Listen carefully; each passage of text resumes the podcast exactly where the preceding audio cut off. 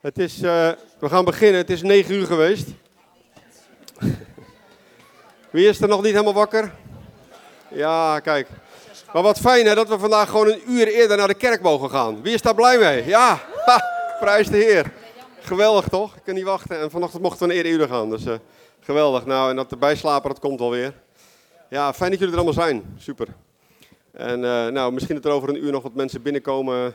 Sprokkelen, maar dat mag altijd. we zijn gezin. Super mooi. Um, ja, vorige week mooie dienst gehad, hè? Toch? Dat is echt super. Ik ben, ik ben enorm aangesproken door uh, het woord wat door Eddie kwam. En uh, over zitten ging het, hè?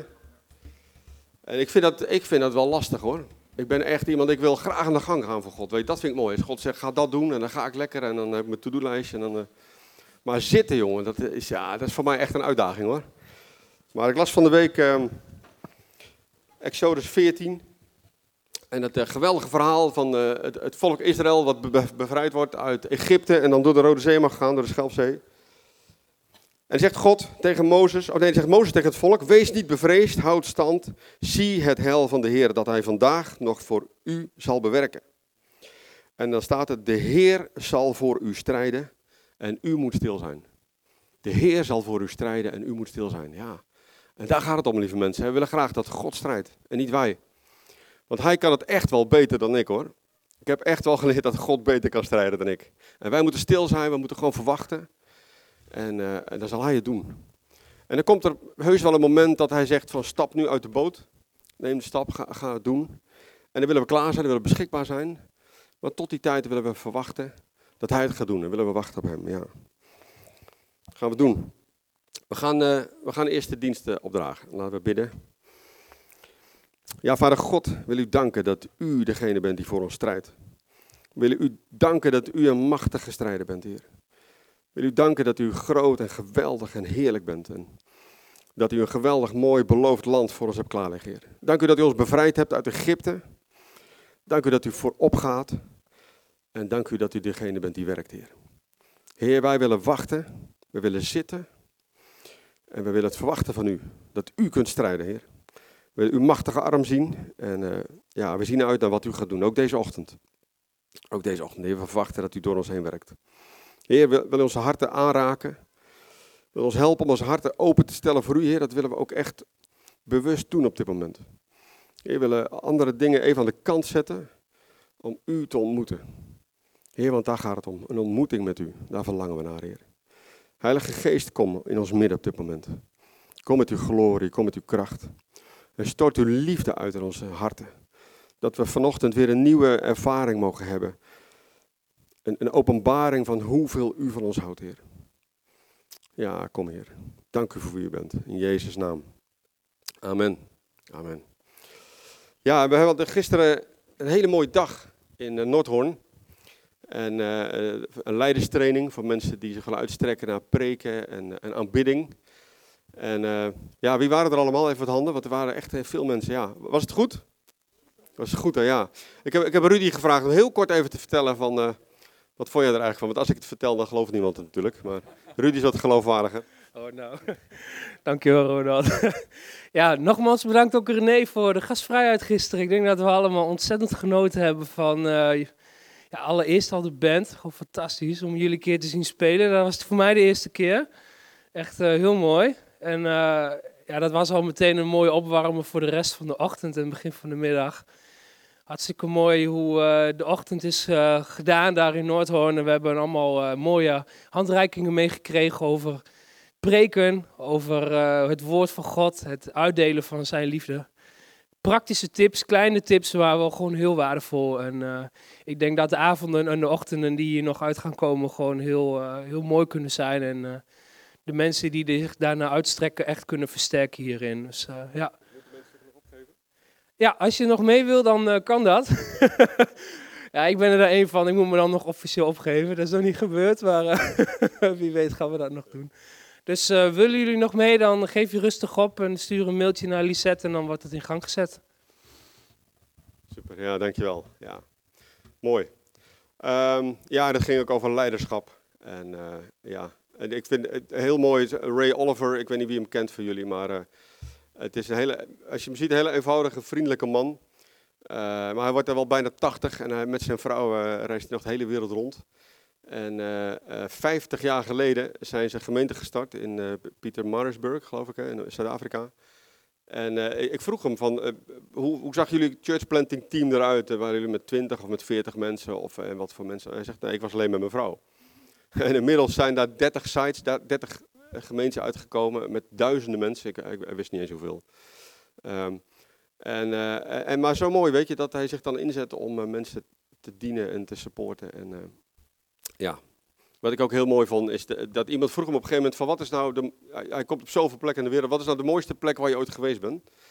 En hij zegt, ja, daar moest ik echt over nadenken, want ik wist dat eigenlijk niet zo. En hij zegt, maar ja, toen ik erover nadacht, toen besefte ik eigenlijk, steeds als ik ergens ben, waar ik ook ben, op dat moment is dat eigenlijk de mooiste plek waar ik ben. Want God geeft me liefde voor die mensen. Daar bid ik ook voor. Vul mijn hart met liefde voor mensen. En, en of het nou een kleine kerk is of een grote, maar dat is de mooiste plek waar ik kan zijn. En, ja, mooi om te zien. Goed, um, nou, we gaan lekker aanbidden. Straks ga ik nog wat vertellen over uh, de paaslunch. Dat je bonnetjes mee kunt nemen. Dus help me dat herinneren dat ik dat vergeet. Maar uh, we gaan beginnen met God groot te maken, want hij is het waard. Ja.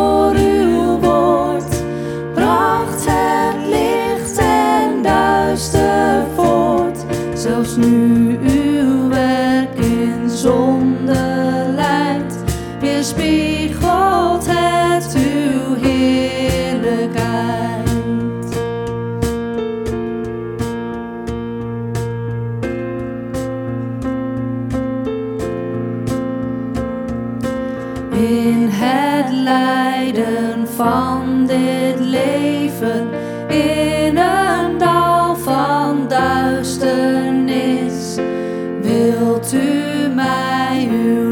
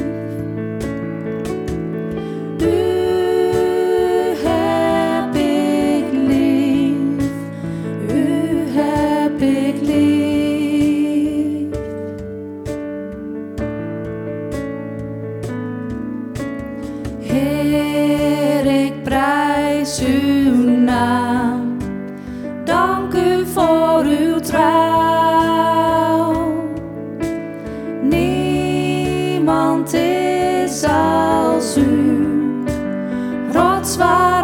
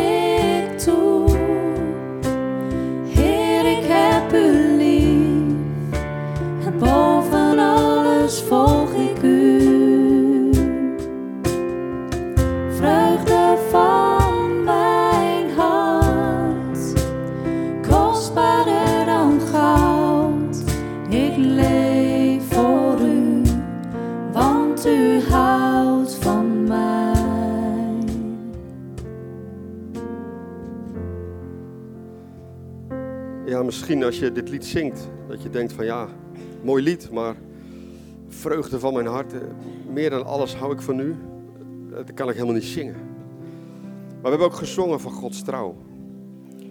En ik denk dat voor velen geldt dat ze Gods trouw ervaren hebben. En misschien is het goed dat je even terugkijkt in je leven en denkt, ja Heer, u was echt trouw. Denk eens aan een paar momenten waar je Gods trouw ervaren hebt.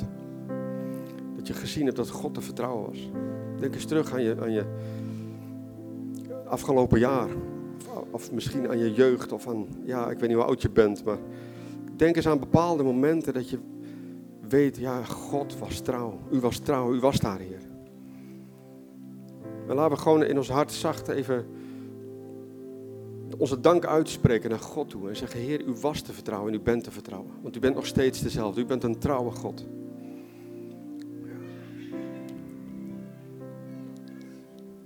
Ja, dank u Vader God, u bent trouw, u bent te vertrouwen. U bent groot en machtig, u bent liefdevol, Heer. En ehm, En misschien ehm, ehm, ja, is er ook eh, op dit moment zijn er misschien mensen die zeggen van ja, ik, ik weet ergens wel dat God trouw is, maar ik, eh, ik zie het zo, want eh, ik zie het niet, want het duurt zo lang. En het lijkt wel of, of er niks gebeurt in mijn leven. En, ik moest denken aan het verhaal wat ik van de week las, dat, dat to- toen God het volk Israël uit Egypte leidde, eh, dat hij zei van ja, ik, ik zal ze niet direct naar de Filistijnen leiden, want dan zouden ze de strijd daar moeten gaan, dan zouden ze ontmoedigd raken. En, en soms wacht God ook, omdat hij juist eh, niet wil dat je dingen feest die je nog niet aan kunt. Omdat je nog niet klaar bent voor iets. Maar hij wil je zorgen dat je klaar bent. En hij, ook daarin wil hij trouw zijn.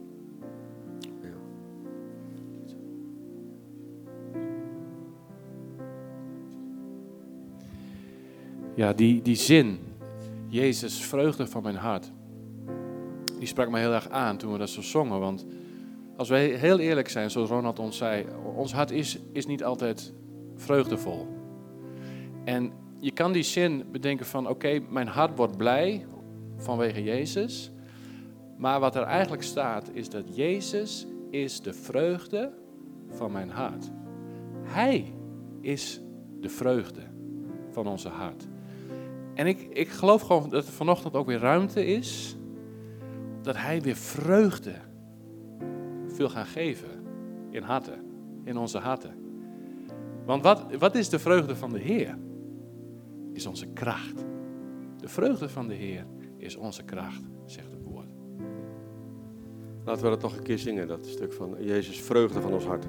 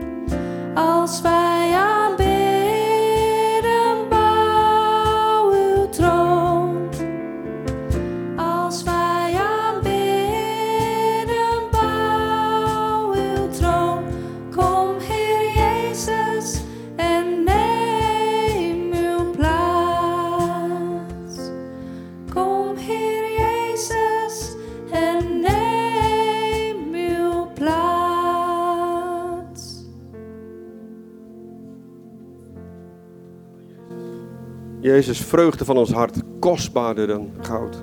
Heer, wij leven voor u. En dat is ons gebed, Heer, dat u uw troon bouwt.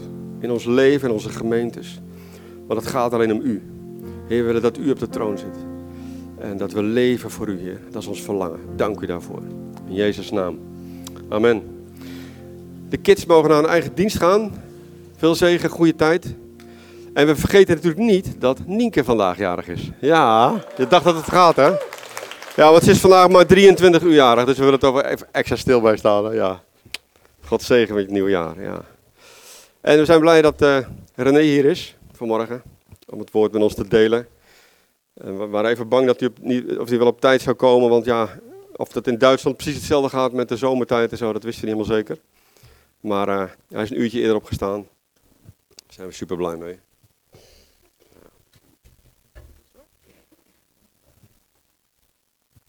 René komt, eh, voor degene die het niet weet, René komt uit Noordhoorn. Hij heeft vanmorgen een gezinnetje bij zich. En eh, dus die kun je straks allemaal eh, bewonderen bij de koffie. Wat kunnen we meer vertellen? Hij is oudste in het team daar. Hoeveel tijd moet ik nog voor opvullen, mannen? Volgens mij ben ik al, eh, ben ik al live. Ah, je bent al live. Oh, ja. Ja. Ja, hij zit. Zal ik nog even kort bidden? Ja. Ja, vader, dank u voor René. hè. Dank u voor zijn trouw en zijn beschikbaarheid. Eh, dank u voor de voorbereiding die, dat hij u gezocht heeft. En we vertrouwen dat hij een woord van u heeft. En eh, ja, wilt u hem zalven met uw geest op dit moment. Maar ook ons als luisteraars. Heer, we hebben misschien nog wel meer zalving nodig.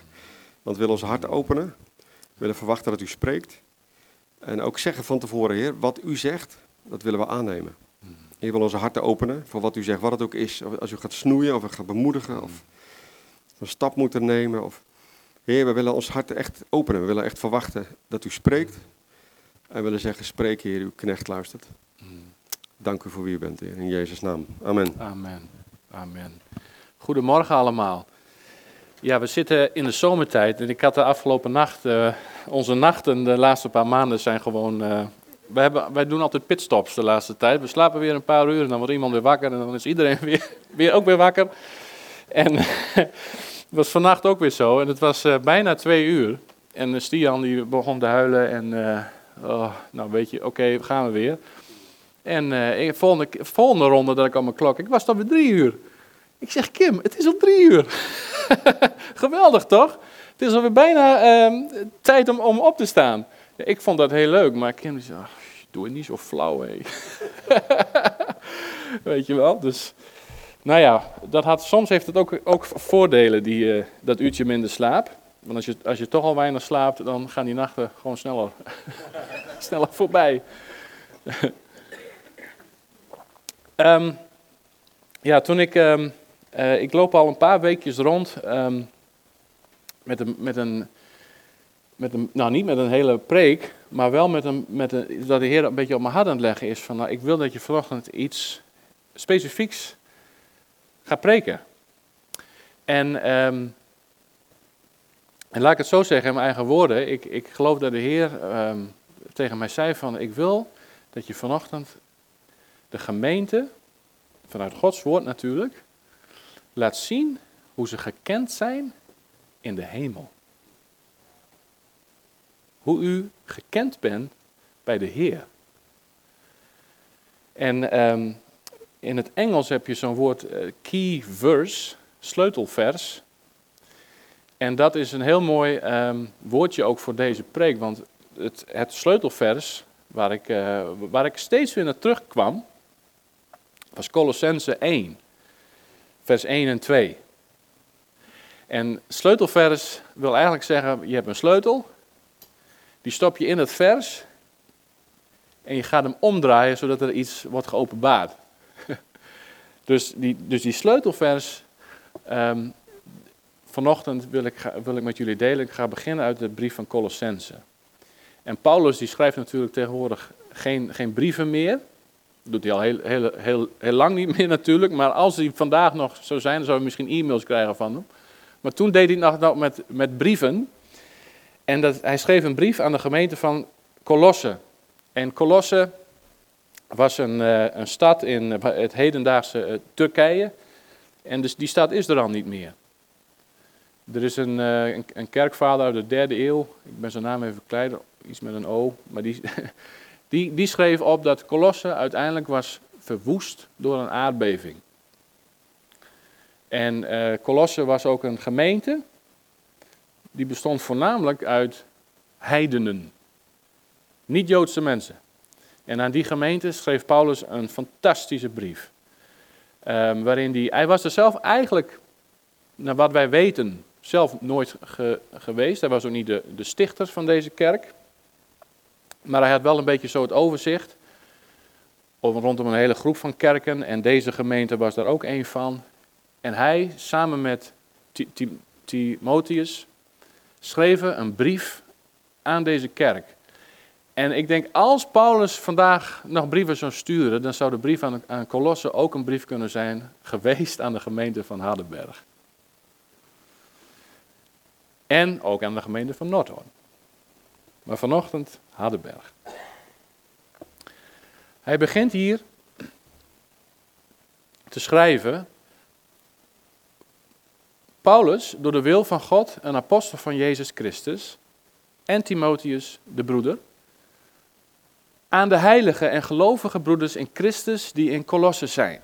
Genade zij u en vrede van God, onze Vader en van de Heere Jezus Christus. Nou, vandaag, als hij de brief aan ons zou schrijven, aan de heilige en gelovige broeders die in Hardenberg zijn.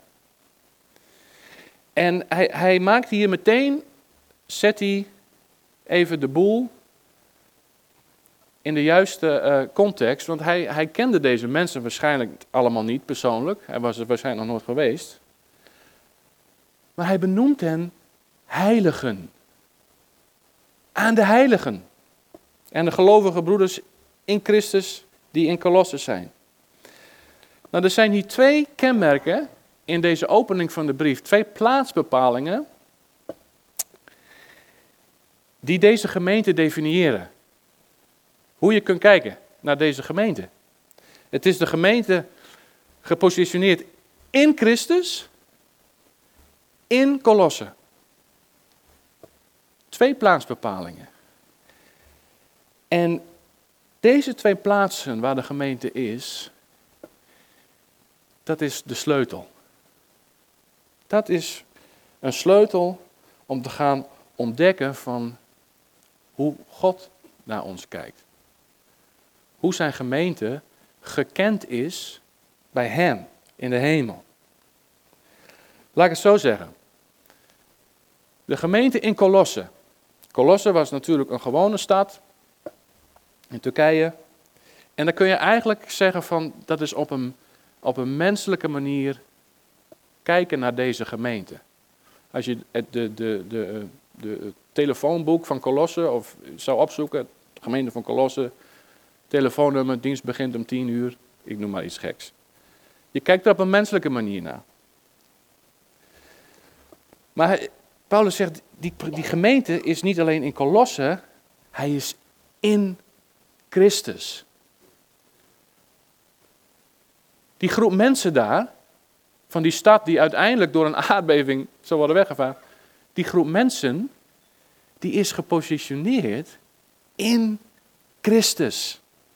In Christus is een van Paulus' favoriete termen om te spreken over het evangelie, om te spreken over het werk van God. Je bent in Christus. En dit is, geloof ik, Gods manier om te kijken naar zijn gemeente. Weet je, als we, gaan, als we alleen maar naar ons gaan kijken met onze menselijke ogen en vergeten hoe God naar ons kijkt, dan gaan we tegen een hele hoop problemen aanlopen. Als die brief zou beg- beginnen met aan de gemeente van Colosse. zonder het in Christus deel, dan was dit een kerk geweest ja, die daar was. En er kwam uiteindelijk dan die aardbeving en de gemeente was gewoon weg. End of story. Hè? Maar Paulus, Paulus, die begint hier, eigenlijk, ehm, eigenlijk maakt hij een groot onderscheid tussen wat is de realiteit. De realiteit is, jullie zijn een gemeente in Colosse. En de waarheid. De waarheid is, dit is een groep mensen die in Christus is. Weet je? Laat ik het punt nog iets, iets verder maken over dit. In Colosse, in Christus. In Colosse kun je eigenlijk zeggen van dit is hoe de gemeente bekend is op aarde. Dit is hoe de gemeente bekend is om ons heen. In Christus is hoe de gemeente gekend is in de hemel. En het is dat, dat laatste, in Christus, dat is de waarheid. Want als wij gaan weten hoe we gekend zijn in de hemel op dit moment, hè, op dit moment, bent u en mij, u en ik gekend in de hemel, in de ogen van God, in Christus, heeft dat een impact op hoe wij gaan leven op aarde. Dat is de waarheid. En de waarheid, zegt de Bijbel, zet je vrij. De waarheid zal ons gaan vrijzetten als we gaan ontdekken wie wij zijn in Christus. Dat gaat een impact hebben wie we zijn in Hardenberg, in Noordhoorn. Voor Colosse toen in Colosse. Daarom begint Paulus eerst in Christus. Dat is waar hij mee begint. In Colosse. In Christus in Hardenberg. In Christus in Noordhoorn. Weet je, dit is wat Paulus doet. Daarom begint hij hen ook heel vrijmoedig aan te spreken als heiligen. Heilige mensen. Vol van geloof. Hij wist, waarom, hij, hij kende deze mensen niet. Maar Paulus wil, weet je, het maakt helemaal niet uit. Ik wil dat je de waarheid gaat leren kennen. Gemeente in Kolossen. In Christus zijn jullie heilig. Paulus die weet heel goed dat het is van, van, van vitaal belang dat wij ons gaan zien, gaan leren zien hoe God naar ons kijkt. Want dat verandert alles. Realiteit was, dit was een gemeente bestaande uit heidenen. In een plaats niet in Israël, Turkije. Nou, Hardenberg is ook niet in Israël in die zin. We zijn ook veelal niet-Joodse mensen. Misschien zijn die Joodse mensen. Maar er zijn wel sterke kenmerken tussen Colosse en Hardenberg. Ziet u? En Paulus wist natuurlijk ook wel dat in de gemeente best wel eens uitdagingen konden zijn. Worstelingen met zonde. Worstelingen met mensen onderling. Weet je, dat is de realiteit van zaken. Als we onze blik alleen maar stellen op de realiteit van dingen, dan loop je daar al heel snel tegenaan. Maar Paulus, die schrijft die gemeente aan en die begint eerst met de waarheid. De waarheid. Lieve mensen, er is een verschil tussen de waarheid en de realiteit. Er is een verschil tussen de waarheid en de realiteit. En als die twee uit elkaar worden getrokken, dan ga je zien dat Paulus de waarheid boven de realiteit gaat stellen. Jullie zijn heilig in Christus. Dat gaat een invloed hebben op jullie realiteit. De wereld heeft dit niet. Hè? Voor de wereld is alles realiteit. Maar als je God hebt, als je Jezus kent, Jezus is de weg, de waarheid en het leven. Dan komt er op een gegeven moment een ruimte tussen mijn omstandigheden en de waarheid. En dan kan ik gaan zeggen van Heer, met Paulus wil ik ook mijzelf gaan leren zien in Christus. En wat voor invloed gaat dat hebben op mijn realiteit? En ik geloof dat God tegen ons als gemeente in Hardenberg wil zeggen, vandaag, lieve mensen, vergeet niet hoe jullie gekend zijn bij mij. Jullie zijn heilig in Christus. Dat is het startpunt. Dus, zegt de Heer, het is nu belangrijk om te gaan ontdekken wat het betekent. Dat is een binnenkomer hè, van Paulus. Hij schrijft een brief en hij noemt ze meteen heilig. Wow. Maar wat betekent dat? Weet je, ik zat uh, laatst in de auto, ik rijd nogal soms ver van mijn werk en ik luister altijd even podcasts terug en ook van de wegwijzer. En ik, ik vond het een mooie preek van, van Gert-Jan over heiligheid. Kabot. Dat is een heel, een heel, um, heel bijbelse term natuurlijk. Heilig. En wat, als je het Oude Testament leest, wat was er allemaal wel niet nodig voordat iets heilig? God is heilig. Hè?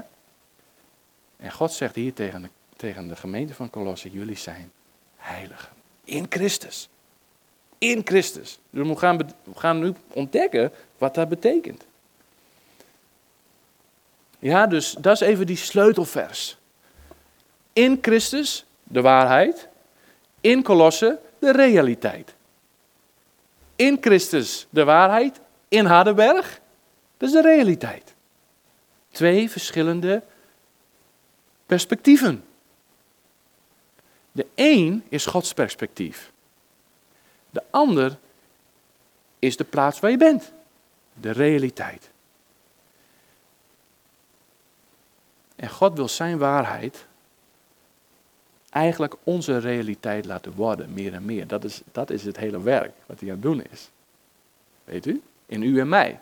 Gods reddingwerk is Gods waarheid in mijn realiteit zichtbaar laten worden, zodat mijn realiteit steeds meer wordt aangepast aan Gods waarheid in Christus.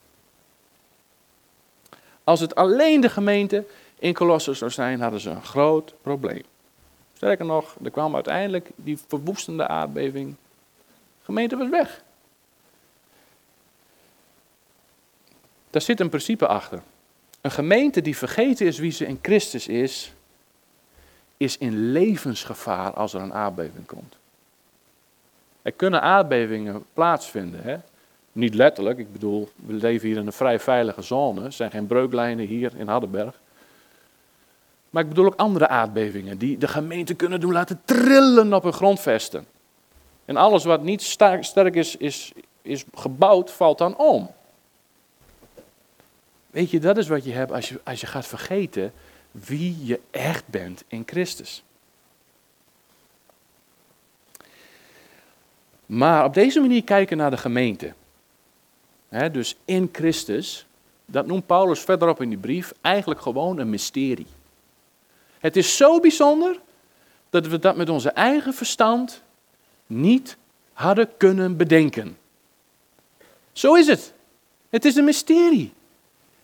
Je kunt het niet zeggen van, oh ja, en in Christus, het is logisch. ik, ik, ik, ik, snap dat. Net zoals we hier in Hardenberg zitten, zitten we ook in Hem en ik, het is logisch. Nee, zegt Paulus, dat is het niet. Het is een groot mysterie. Weet je, het moet ons door, door God zelf worden geopenbaard wat dit betekent. De gemeente, u en ik, in Christus, dat is wat God ziet, lieve mensen. Dat is wat God vandaag ziet. Hij wil dat wij het weten. Hij wil dat wij gaan ontdekken wat dat betekent om in Christus te zijn.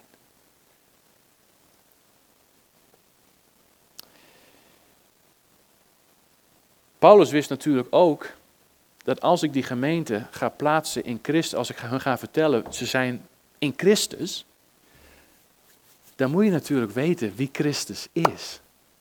Wie is Jezus? Dat is de belangrijkste vraag. De belangrijkste vraag van een gemeente is: wie is Jezus? Wie is het hoofd? Je moet het weten wie Jezus is. En Paulus noemt dat woordje mysterie verderop in die brief, dat het eigenlijk, ja, het is een, een godswerk. Dat zelfs heidenen worden binnengebracht in, in, in Gods, Gods volk. Dat moet ons worden geopenbaard. En Jezus, u kent misschien wel het verhaal van Petrus, dat op een gegeven moment dat Jezus ook diezelfde vraag stelt aan zijn, aan zijn volgelingen. Wie zeggen de mensen eigenlijk dat ik ben? Nou, Jezus die vist hier heus niet naar een soort van com- com- complimentje hoor. Van, oh ik hoop dat ze dit of dat eruit halen. Jezus die stelt die vraag heel bewust, heel gericht. En Petrus die geeft daar op een gegeven moment antwoord op en die zegt, u bent de Messias, u bent de Christus. En Jezus reageert daarop en die zegt, ja. En jij bent niet langer Petrus, jij, jij bent Petra en op deze rots zal ik mijn gemeente bouwen. Dit ontvouwde voor Petrus een nieuwe identiteit. Eigenlijk liet Jezus zien, Petrus, zo ben jij bekend in de hemel. Weet je, daar begint het mee. Als wij, als wij gaan ontdekken wie Jezus is, gaan wij ook ontdekken wie wij zijn in Hem. Laten we eens lezen. Vers 15, Colossense 1, vers 15. Want Paulus die gaat dus enorm, enorm de diepte in, mag ik wel zeggen. Om te vertellen aan de gemeente van Colosse wie Jezus is. En ik werk in de olie- en gaswereld en daar heb je een woordje dat heet energiedichtheid. Er zijn bepaalde stoffen die hebben een bepaalde energie van zichzelf en per volume hebben, hebben verschillende stoffen hebben een bepaalde dichtheid. Hoe groter die dichtheid, hoe meer energie erin zit. Een broodje kaas heeft een energiedichtheid die is niet zo groot. Na een paar uur heb je weer honger. De zon daarentegen een enorme energiedichtheid. Nou, dit is een beetje als ik het heb over energiedichtheid. Wat kan Paulus allemaal in een brief stoppen? In een paar versen. Is dit een enorm, enorm vol deel over wie Jezus is. Laten we eens lezen. Vers 15. Hij, dus Jezus, is het beeld van de onzichtbare God, de eerstgeborene van heel de schepping. Laten we daar maar even stoppen. Energiedichtheid is hoog, dus we moeten goed beseffen, wat zegt Paulus hier? Hij is het beeld van de onzichtbare God. Jezus, dit grootje beeld, het Griekse woord is icon. Krijgen wij het woordje icoon vandaan. Vroeger had je als icon, had je Caesar, die werd op een munt geslagen, dat was de icon. Hier heb je een muntje. Het beeld van Caesar was de icon op die munt. Paulus zegt, Jezus is het beeld van God. En zegt hij, hij is de eerstgeborene van heel de schepping. Nou, dat woordje eerstgeborene, in het Grieks is het woordje protokos. En in deze context betekent het eigenlijk meer, hij was de eerste in status. Ja? Jezus is niet geboren in die zin, maar als je het hebt over status, over wie is nou als eerste in de rij, Jezus. Hij is de eerstgeborene in status van de hele schepping. Gaan we verder lezen. Want door hem zijn alle dingen geschapen die in de hemelen en die op de aarde zijn. Die zichtbaar zijn en onzichtbaar zijn. Tronen, heerschappijen, overheden of machten, alle dingen zijn door hem en voor hem geschapen. Weet je, mensen zijn geschapen naar het beeld van God. Maar Paulus zegt hier dat Jezus is de blauwdruk. Dat zegt hij eigenlijk. Jezus is de blauwdruk van alle mensen. Dit, als je kijkt naar Jezus, dan ga je zien hoe mensen eigenlijk zijn bedoeld. Dat is mooi hè? Dan gaat het beeld van God krijgt een beetje vorm, krijgt een beetje context. We zijn gemaakt in het beeld van God. Wat betekent dat eigenlijk? Kijk naar Jezus. Hij is het beeld van God. Dan krijg je hier de, de grootste vraag van een christen. Wat is Gods plan met mijn leven? Kan je enorm mee worstelen. Maar dit geeft ons al een enorme duw in de rug, een enorme zet in de goede richting. Want ik geloof, dit is Gods plan voor jouw leven. Om jou in het beeld van Jezus te veranderen. Waarom? Jezus is het beeld van God. Wat een eer! God is heilig. Wat zegt Paulus tegen de mensen in Colosse? Jullie zijn heilig. In Christus.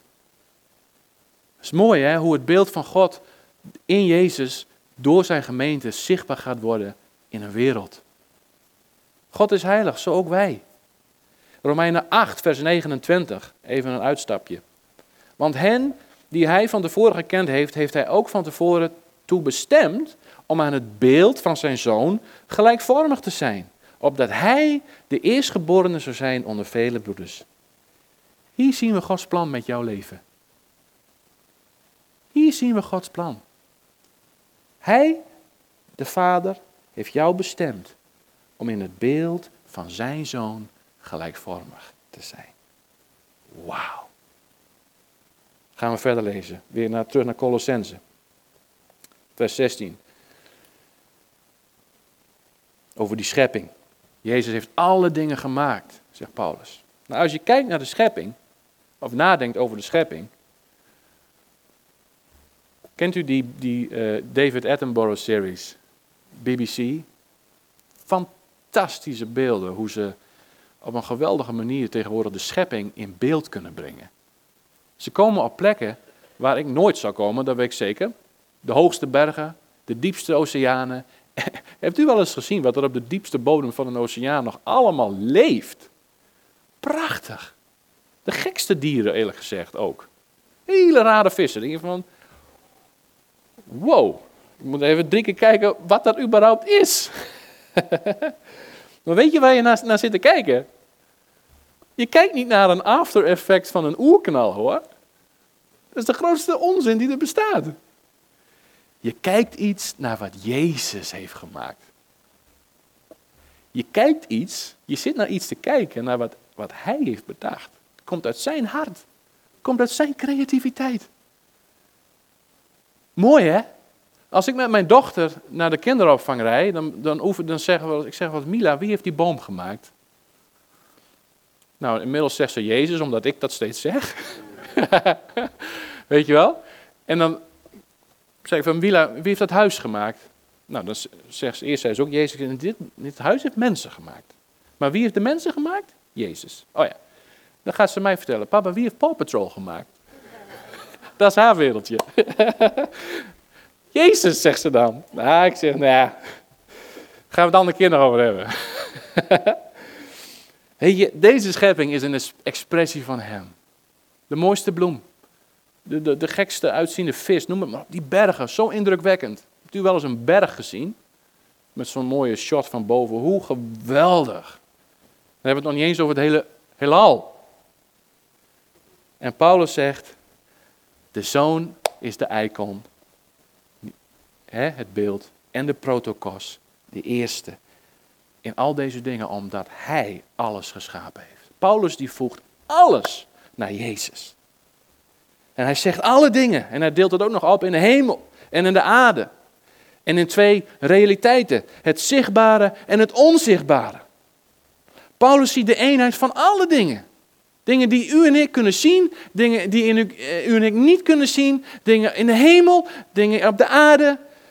Hij brengt het allemaal samen, die hele kosmos, in één persoon. Jezus. En deze persoon in de tijd van Paulus was niet een al te lange tijd geleden genageld aan een kruis. Daar gaan we het ook nog over hebben. Paulus die gaat namelijk nu een brug maken. Hij begint met de schepping en dat Jezus als eerste is en hij is het hoofd van alle dingen en hij is de protokos en er is zonder hem was er eigenlijk niks. En hij maakt nu een bruggetje als Jezus van het hoofd van die eerste schepping naar de nieuwe schepping. Want dat, dat zit er ook aan te komen. God gaat nog op een dag alle dingen nieuw maken. Dat is een geweldige belofte. We hebben een hoopvolle toekomst, mensen. De wereld is donker. De tijden waarin we leven zijn spannend. Maar we hebben een hoopvolle toekomst. Laten we eens lezen hoe hij dit aanpakt. Vers 18. En hij is het hoofd van het lichaam, namelijk van de gemeente. Hij die het begin is, heb je dat woord weer, de eerstgeborene, de protokos, in datzelfde woordje, uit de doden, opdat hij in allen de eerste zou zijn. Want het heeft de Vader behaagd dat in hem heel de volheid zou wonen. Weet je, Jezus is niet alleen protokos van die schepping, hij is ook protokos van die eerste die opstond uit de doden. Dat wil zeggen, nieuwe schepping. Nieuwe schepping. Jezus is daar een voortrekker in. Hij is die dood al voorbij gegaan en is als eerste opgestaan in die nieuwe schepping. Waar hij ook weer diezelfde eerste zal zijn. Die protokos. Die nieuwe schepping. Maar wat zo opvalt is dat Paulus hier tussen die eerste schepping en die nieuwe schepping. Wat, wat, wat vouwt hij daar, wat sandwicht hij daartussen? De gemeente. De gemeente. Mensen, dit is de beste plaats waar u vanochtend kon zijn. Weet je er wel? Als je het hebt over een eerste schepping en een nieuwe schepping, wat nog komen gaat, God alle dingen gaat nieuw maken in en door Jezus, daar zit een, over, een soort tussenfase in. Een, een soort instrument waarin dat nu al zichtbaar is. En wat is dat instrument? Dat is de gemeente. Dat is de gemeente. Daar is hij het hoofd van. Jezus is het hoofd van het lichaam. En hij is het hoofd. Dat wil zeggen, wat doet, het, wat doet het hoofd in deze context? Het hoofd geeft het leven aan de rest van het lichaam. Jezus geeft leven aan zijn gemeente. Vandaag. Jezus is het begin van de nieuwe schepping. Omdat hij als eerste uit de dood is opgestaan. Hij was als eerst. Ja, je hebt wel verhalen in het Oude Testament dat mensen uit het Lazarus bijvoorbeeld kwam ook uit het graf. Maar Lazarus stierf wel weer. Had nog niet het, het eeuwige leven. Maar Jezus was compleet anders. Jezus ging het graf in, versloeg de dood, pakte hem zijn sleutels af en kwam als overwinnaar eruit. Als eerste van die nieuwe schepping. En die persoon is op dit moment het hoofd van de gemeente. Jongen. Weet je, we staan voor de deur van Pasen. En Pasen is een realiteit. Jezus stierf echt. Echt. Hij, hij viel niet in slaap, hij stierf. Maar zijn sterven was eigenlijk wat de alliantie, wat de alliantie deed met, met, met D-Day. Het was een invasie in Hades, in het dodenrijk. Hij ging daarheen met een missie. En hij versloeg de dood op de plek waar de dood op de troon zat. Hij ontwapende. Hij pakte daar de sleutel van die dood. Op de plaats waar hij alle macht had, die dood. En hij ontwapende daar en hij pakte zijn sleutel af. En dat is eigenlijk een beetje wat daar gebeurde. Het is een heel, heel bijzonder deel ook in de, in de Bijbel. Dat er staat, opeens waren er allerlei heiligen zichtbaar. Mensen die al jarenlang eh, dood waren, of eeuwen, die werden op geen zichtbaar, liepen daar rond in de stad. What is going on? Bijzonder lijkt me dat. Dat je op een gegeven moment mensen, de heiligen. Ik denk gewoon dat was een expressie van wat op dat moment daar in de geestelijke wereld gebeurd is. Jezus heeft die sleutels afgepakt van de dood. En dan gaan we verder. Paulus die is nog niet klaar. Hij is het hoofd van de gemeente, hij is het hoofd van de nieuwe schepping. En dan zegt hij, want het heeft de Vader behaagd dat in hem heel de volheid zou wonen. En dat hij door hem alle dingen met zichzelf zou gaan verzoenen. Door vrede te maken door het bloed van zijn kruis. Ja, door hem, zowel de dingen die op de aarde zijn als de dingen die in de hemelen zijn. Zoals de zoon alle dingen heeft geschapen, zegt Paulus, zo verzoent hij ook alle dingen. Verzoening maakt de werk van het schepping compleet, lieve mensen. Verzoening maakt het werk van de schepping compleet. Wat hij hier opschrijft in vers 19 en 20 is mind, even een Engels woordje, mind blowing. Is daar een Nederlands woord voor? Mind blowing. Je kan het niet bevatten, laat ik het zo zeggen. Hij zegt in vers 19, want het heeft de Vader behaagd dat in hem heel de volheid zou wonen. En in vers 20, en dat hij door hem alle dingen met zichzelf verzoenen zou, door vrede te maken, door het bloed van zijn kruis. We hebben hier twee dingen: de volheid van God en het kruis. Dat woordje volheid, het Griekse woord pleroma, dat is eigenlijk inderdaad, dat betekent God in zijn volheid. Maar dat is hetzelfde als, als je in het Oude Testament kijkt, de Gods glorie die de tempel vulde. Waar de preek ook toen over ging, over kabot, Gods heiligheid, Gods tegenwoordigheid die de tempel vulde. In het Oude Testament spreekt ook dat op een gegeven moment nog Gods glorie de aarde zal gaan vullen. Dat is zijn volheid. Weet je, Gods glorie, Gods kabot, is een extensie van wie Hij is. Dat andere ruimten gaat vullen met Hem. Zoals Sion de berg was als symbool van Gods tegenwoordigheid, zo zegt Paulus, is Gods volheid nu zichtbaar in Jezus, in de Zoon. Dit, moet, dit, punt moeten we echt even pakken met elkaar. Dit is diezelfde volheid, diezelfde glorie, die priesters deed, deed laten vallen in, het, in de tempel. In het, was geweldig. Die volheid, die kwam in Jezus. Dat, dat had, werd zichtbaar in Jezus. Deze volheid was aan Jezus. En wat zegt Paulus hier eigenlijk? Als je dit leest over het kruis. God, lieve mensen, God stierf in zijn volheid aan het kruis. Dat wil zeggen, er was geen deel van God dat niet voor u en mij stierf aan het kruis.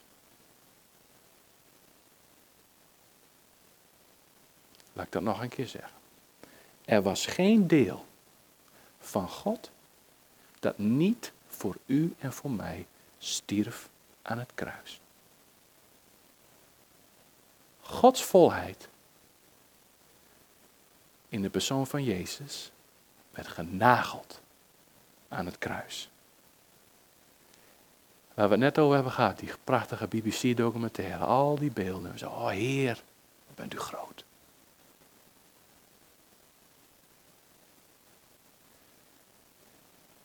Deze God, die heeft zich laten nagelen aan een martelaarswerktuig. Bedacht door de Romeinen. Het meest vernederende manier om te sterven. Het bloed van diezelfde maker. Die die mooie bergen en die mooie vissen en die bijzondere bloemen heeft gemaakt om voor u en mij van te genieten. Zijn bloed. Zijn bloed. Heeft gevloeid voor u en voor mij. En Paulus zegt dat dit verzoeningswerk, wat het is, het heeft verzoend, het heeft de mens en God weer bij elkaar gebracht. Dit verzoeningswerk voor de hele wereld is nu in de gemeente aan het werk. En daar bent u en ik onderdeel van. Geweldig, toch? Efeze 1, vers 22 en 23. Hij heeft alle dingen aan zijn voeten onderworpen. En hij heeft hem als hoofd over alle dingen gegeven aan de gemeente, die zijn lichaam is. En de vervulling van hem die alles in allen vult. Dat woordje vervulling is hetzelfde woord pleroma. Zijn lichaam en de volheid van Hem die alles in allen vult. Weet je, Jezus kwam in zijn volheid, stierf hij. God kwam in zijn volheid, stierf hij aan het kruis. Om vervolgens diezelfde pleroma, die volheid, zichtbaar te laten worden in zijn lichaam, de gemeente. Waar hij, Jezus, het hoofd van is. Die alles in allen vult. Het was een vredemakend werk. Lieve mensen, er is vrede. Vrede. Als er vrede is, dan moet er ook oorlog zijn. Nou, die was er, want wij hebben zelf aan God de oorlog verklaard. De Bijbel noemt ons, en die wint er absoluut geen doekjes om, vijanden van God. Vers 21.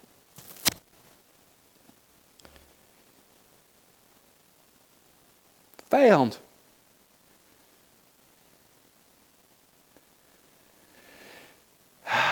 Maar Jezus, God, God ziet altijd het kruis. En Paulus' visie voor de gemeente is dat deze opstandingskracht, deze verzoening van God met de wereld, tot uiting mag gaan komen in de gemeente. In de gemeente. De gemeente is de enige plaats op deze wereld waar Gods verzoening met zijn schepping al heeft plaatsgevonden. Ik zeg het nog een keer, de gemeente, waar Jezus het hoofd is, is de enige plaats op deze hele wereld waar Gods verzoening met zijn schepping al heeft plaatsgevonden. Lieve mensen, u en ik, wij zijn heilig in Christus. We zijn verzoend. Er is vrede, zegt Paulus. Vrede door het bloed des kruises. Amen. De gemeente is geplaatst in die oude schepping. We zijn in Hardenberg, we zijn in Noordhoorn, we zijn in Colosse, we zijn onderdeel ervan. Maar we zijn ook een voorbode van wat nog komen gaat. Die nieuwe schepping. Wat betekent dat?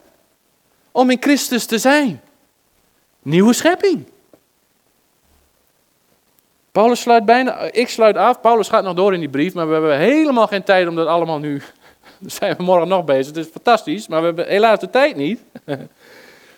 Ik sluit af met die laatste stuk. En hij heeft u, die voorheen vervreemd was en vijandig gezind, zoals bleek uit uw slechte daden, nu ook verzoend, in het lichaam van zijn vlees, door de dood, om u heilig, smetteloos en onberispelijk voor zich te plaatsen. Als u, tenminste, in het geloof blijft gefundeerd en vast. En u niet laat afbrengen van de hoop van het evangelie dat u gehoord hebt. De brief begon met heiligen, aan de heiligen. Nou, Paulus graaft hier nog eens even wat dieper in. Wat betekent dat nou voor u en voor mij? Vers 22, nieuwe schepping. Dit is, dit is, dit is nieuwe schepping materiaal. Hè? Hier zijn mensen die heilig zijn in Gods aangezicht, zonder smet en onberispelijk. Dat wil zeggen, vrij van elke aanklacht. Wow, als God zo naar ons kijkt, als God zo naar mij kijkt, hoe moeten wij dan naar onszelf kijken? Sterker nog, hoe moeten wij met elkaar omgaan? Als God zo naar ons kijkt. In Jezus, in Christus, heilig, smetteloos vrij. Vrij van iedere aanklacht. Lieve mensen, de nieuwe hemel, de nieuwe aarde, God met ons, het gaat allemaal nog komen, maar het is al naar voren getrokken als het ware door Jezus in de tijd waarin we nu al kunnen proeven wat het betekent. We kunnen nu al proeven. Ah, weer vrij. Vrij van iedere aanklacht. Voelt u zich vrij? Ik zat gisteren een partijtje golf te kijken. Weet u hoe mensen daar juichen? Noemen ze ook wel een golfclap. maar dit is toch geen golfclap waard? U bent vrij. Wij zijn vrij. Vrij, vrij, vrij. Ah, nieuwe schepping. Wow. In Jezus. Weet je, dit kan niet anders dan een dikke smaal op je gezicht toveren, toch? Weet je? Ach, wat is het heerlijk hoe God naar ons kijkt, hè? En we vergeten het zo snel. Dat is het ding. Maarten Luther zei, we moeten elke dag het evangelie horen, omdat we het elke dag vergeten. Er is een waarheid in. Weet je, en de duivel zit ook niet stil. Hij probeert gelijk steentjes in de hart te gooien. Of gelijk onkruid, gelijk distels. Oh, dit is waarheid. Ik wil niet dat dat gaat groeien in dat hart. Ik ga er gelijk weer dingen bij gooien. In Jezus' naam. Weg ermee. We geloven voor een mooi akkerland. Waarin Gods woord diep kan groeien. Want dat gaat ons veranderen. Dat gaat ons veranderen. Paulus zegt in vers 23.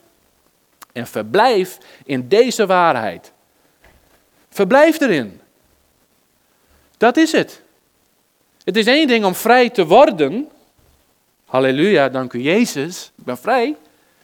Het is een ander ding om vrij te blijven.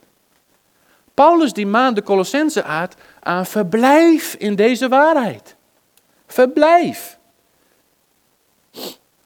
Gefundeerd en vast en laat je niet afbrengen van de hoop van het evangelie. Dat is de uitdaging. We moeten met elkaar verblijven in deze waarheid. We moeten niet alleen vrij worden, ook vrij blijven. Paulus zegt verblijf daarin. Gefundeerd, dat wil zeggen je staat op een fundament. Het fundament is Christus. En als er iemand anders komt die een ander fundament preekt, weg ermee. Christus is het fundament waarop zijn gemeente staat. Paulus zegt en sta vast. Dat wil zeggen onwankelbaar. Jouw positie is al verzekerd. We hoeven er geen dingen bij te gaan verzinnen. Daar zijn we ook soms goed in. Hè? Religie kijkt om de hoek. We gaan allemaal weer dingen doen. Paulus zegt, is niet nodig. Jouw positie is verzekerd in Christus. En hij zegt als laatste, en laat je daar niet van afbrengen. Weiger het om van dit fundament los te komen. Dit, lieve mensen, trotseert elke aardbeving. Het fundament is Christus. Die gemeente in Colosse heeft die aardbeving niet overleefd. De gemeente, de stad bestaat niet meer. Maar die mensen, die hebben het overleefd. Die, hebben, die waren in Christus. Ik weet niet wat er met ze gebeurd is. Misschien zijn ze omgekomen. Ik, I don't know, ik weet het niet. Maar ze waren onwankelbaar in Christus. Weet je wat werkelijk telt? Is wat werkelijk onwankbaar is, is in Christus. Dat is het. Door elke storm. Daarmee wil ik afsluiten. Voor de eeuwigheid verzekerd in Hem. Vrede door het bloed des kruises. Ik geloof dat dat de Heer ons wil bemoedigen vanochtend. Ja, van mijn jongens. Dit is zoals jullie gekend zijn in de hemel. In Christus. Heilig. Onberispelijk. Vrij van elke aanklacht.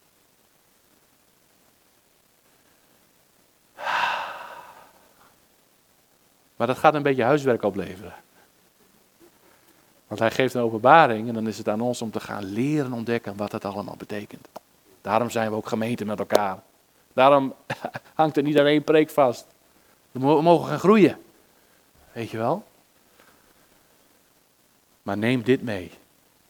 Neem dit mee. Dit is Gods woord. De brief aan Colosse. De brief aan Hardenberg. De brief aan Noordhoorn. Dat is Gods woord. Amen.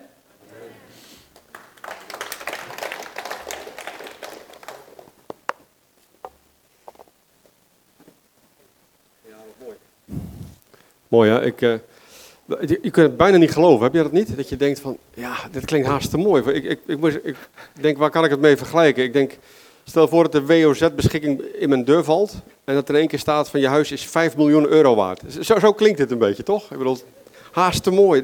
dit is wat de gemeente is. En, uh, of dat, dat in één keer bedrijven jou beginnen te bellen van, joh, Je krijgt een gratis Tesla of je krijgt een gratis dit of dat, want je hebt er één keer zoveel miljoen volgers op Instagram of wat ook. Je bent heel populair. Nou, dat zo voelt het een beetje, maar het is zo belangrijk dat we dat meer gaan zien, hè, van eh, wie, wie we echt zijn als gemeente, als persoon. En eh, ja, ik, ik, ja ik, ik heb het ook echt, ik wil echt meer gaan laten inzinken, want gaat, de rest komt vanzelf misschien wel. We hebben wel huiswerk, maar je moet dat wel eerst gaan beseffen, echt. Ja, dat is heel mooi, bedankt. Ja. Zullen we gewoon even een niet een golfclap applaus, maar niet voor René, maar gewoon voor, voor God en voor, voor wie Jezus echt is. Gewoon even echt alles wat je in je hebt. Gewoon even, yes! Jezus, halleluja! Woe, glorie voor hem. Hij is het waard. Hij is de hoogste en de grootste. Dank u Jezus voor wie u bent. U bent zo goed. U bent de eerstgeborene. U bent het beeld van de levende God in ons. Heer, dank u Jezus voor wat u gedaan hebt. Heer, we willen dat gaan beseffen, we willen erin gaan wandelen. En ik bid u dat u door de Heilige Geest op dit moment dit meer en meer realiteit maakt in ons leven, Heer. Dat we dat gaan voelen, dat we dat gaan proeven, dat we het gaan zien, Heer. Dat we nooit meer dezelfde zijn. Dank u daarvoor, Heer, in Jezus' naam. Amen. Amen, amen. Ik heb nog, we gaan zo afsluiten met een lied, maar ik heb nog twee mededelingen. Uh, aanstaande woensdag begint de Bijbelschool. We hebben al 37 aanmeldingen. Er kunnen nog mensen bij. Zijn nog last minute tickets zijn nog uh, verkrijgbaar. Maar we, ook belangrijk, we zoeken nog iemand die de knoppen wil helpen bedienen op, met de camera. Is er hier iemand die zegt van nou, eh, je krijgt instructie, dus het is allemaal niet ingewikkeld. Is er iemand die zegt van dat wil ik wel doen. En die persoon mag gratis meedoen. Dat geldt niet voor mensen die zich al opgegeven hebben, wel. Eigenlijk niet helemaal eerlijk. Of wel? Oh, wel? Oh. Maar is er iemand die dat wil doen? Jan? Jij wil de knoppen bedienen? Geweldig, super. Dan hebben we dat geregeld. En het andere is met Pasen. We gaan natuurlijk een hele mooie, gezellige gezinsdienst hebben. Maar na de paasdienst is er ook een lunch. Heb je voorop kunnen geven. En het zou fijn zijn als uh, achter op de tafel liggen allemaal kaartjes. Die mag je, daar mag je mee gaan kwartetten na de, na, bij de koffie. Maar willen jullie allemaal zo'n kaartje meenemen? Of meerdere kaartjes van datgene wat jij wil gaan maken? Ik weet niet wat er allemaal op staat van lekkere dingen. Volgens mij biefstuk en uh, patat en dat toch. En ja, dat mag dan niet meer. Opgeven voor de lunch. Mag dat nog, Lisette? Nou, van, van Gert-Jan mag het nog tot vandaag, heeft genade. Als je toch nog wil opgeven de lunch na het Pasen, doe dat vandaag. En laat Lisette het niet horen, want het is te laat. Nee, geintje. Helemaal goed. We gaan nog een uh, afsluitend lied zingen. Ja? Oké.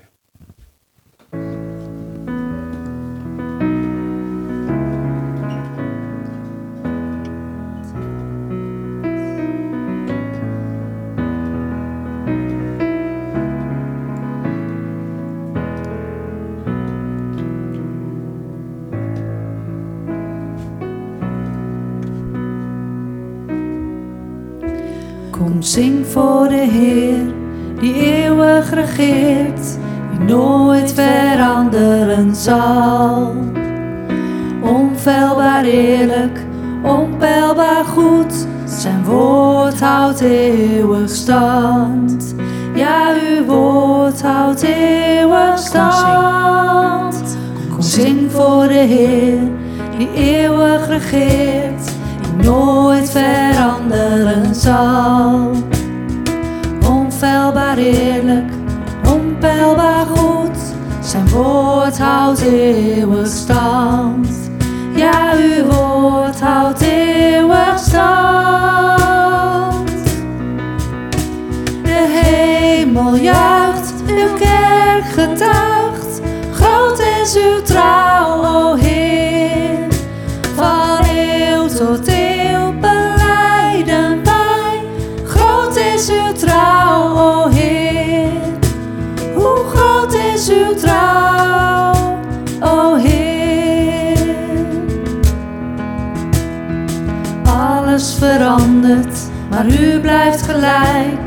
koninkrijk kent geen eind.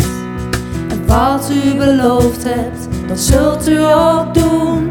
Uw trouw is voor altijd. Wij vertrouwen u altijd. De hemel juicht, uw kerk getuigt. Groot is uw trouw, o Heer. Van eeuw tot eeuw o Heer. Hoe groot is uw trouw, o Heer. Van generatie tot generatie, nooit liet u ons in de steek. Gisteren en vandaag steeds dezelfde, die vast, die is en die komt.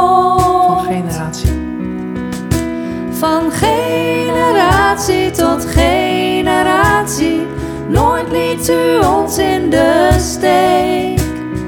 Gisteren en vandaag steeds dezelfde, die was, die is en die komt. De hemel juicht, uw kerk getuigt, groot is uw trouw, o Heer. Van eeuw tot eeuw trouw, o Heer. Hoe groot is uw trouw, o Heer.